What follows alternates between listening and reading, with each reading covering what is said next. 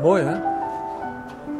De typische gele baksteentjes van West-Vlaanderen. In een modernistisch gebouw. Een gelijkvloers en daarboven nog vier verdiepe hotelkamers. En dan een grote, wat ooit een lichtreclame moet geweest zijn, zo'n soort van gifgroen parkhotel.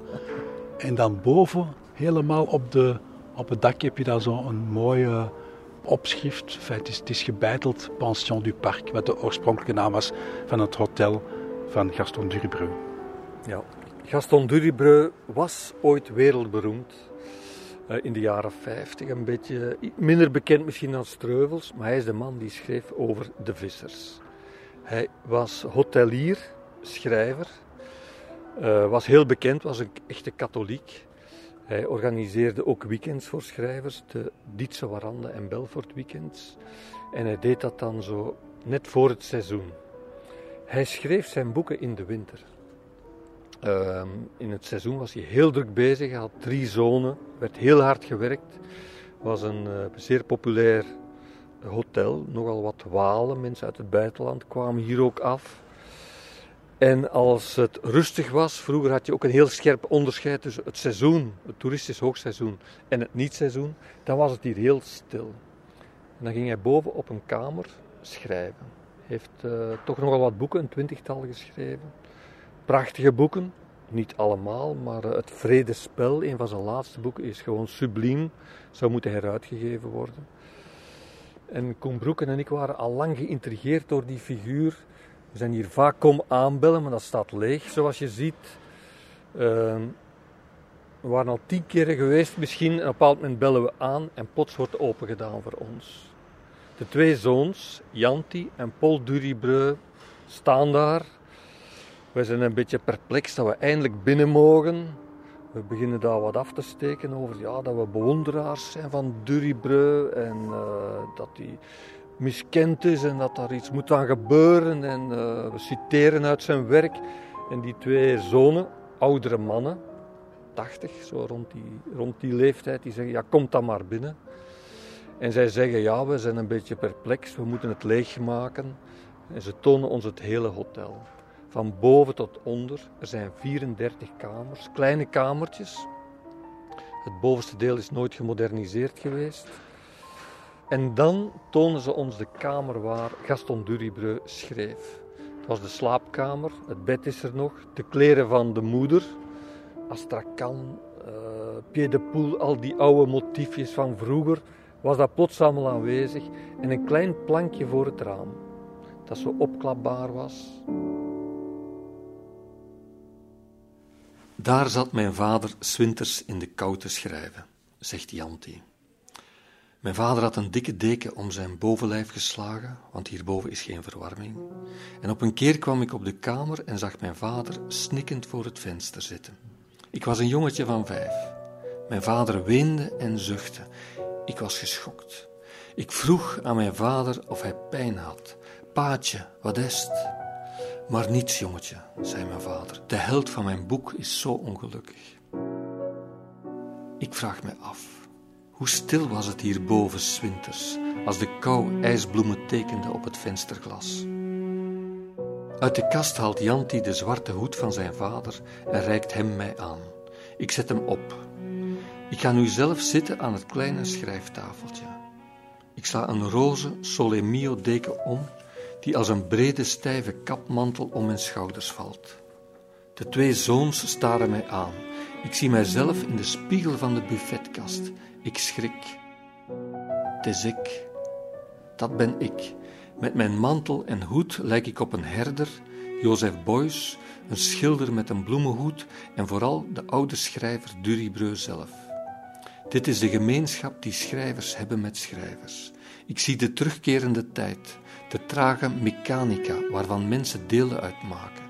Ik zie hoe de tijd in voorwerpen indaalt, op melancholieke wijze, versmelt, de dingen doet verkleuren.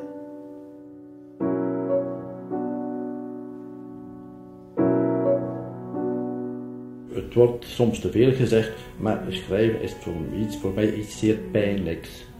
Uh, iets waar ik mezelf zeer moet aanspreken.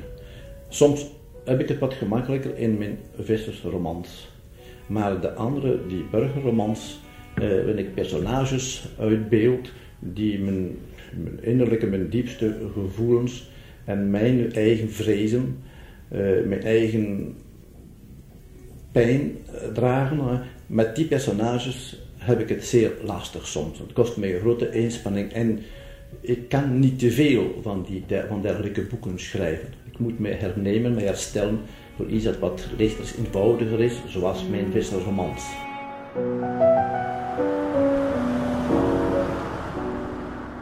Toen de broers Janti en Paul ons hebben binnengelaten, was het hotel leeggemaakt, maar stonden alle meubels opgestapeld. En we waanden ons in een schilderij van Spiljaard. Dus de tafels, op de tafel stonden omgekeerde tafels.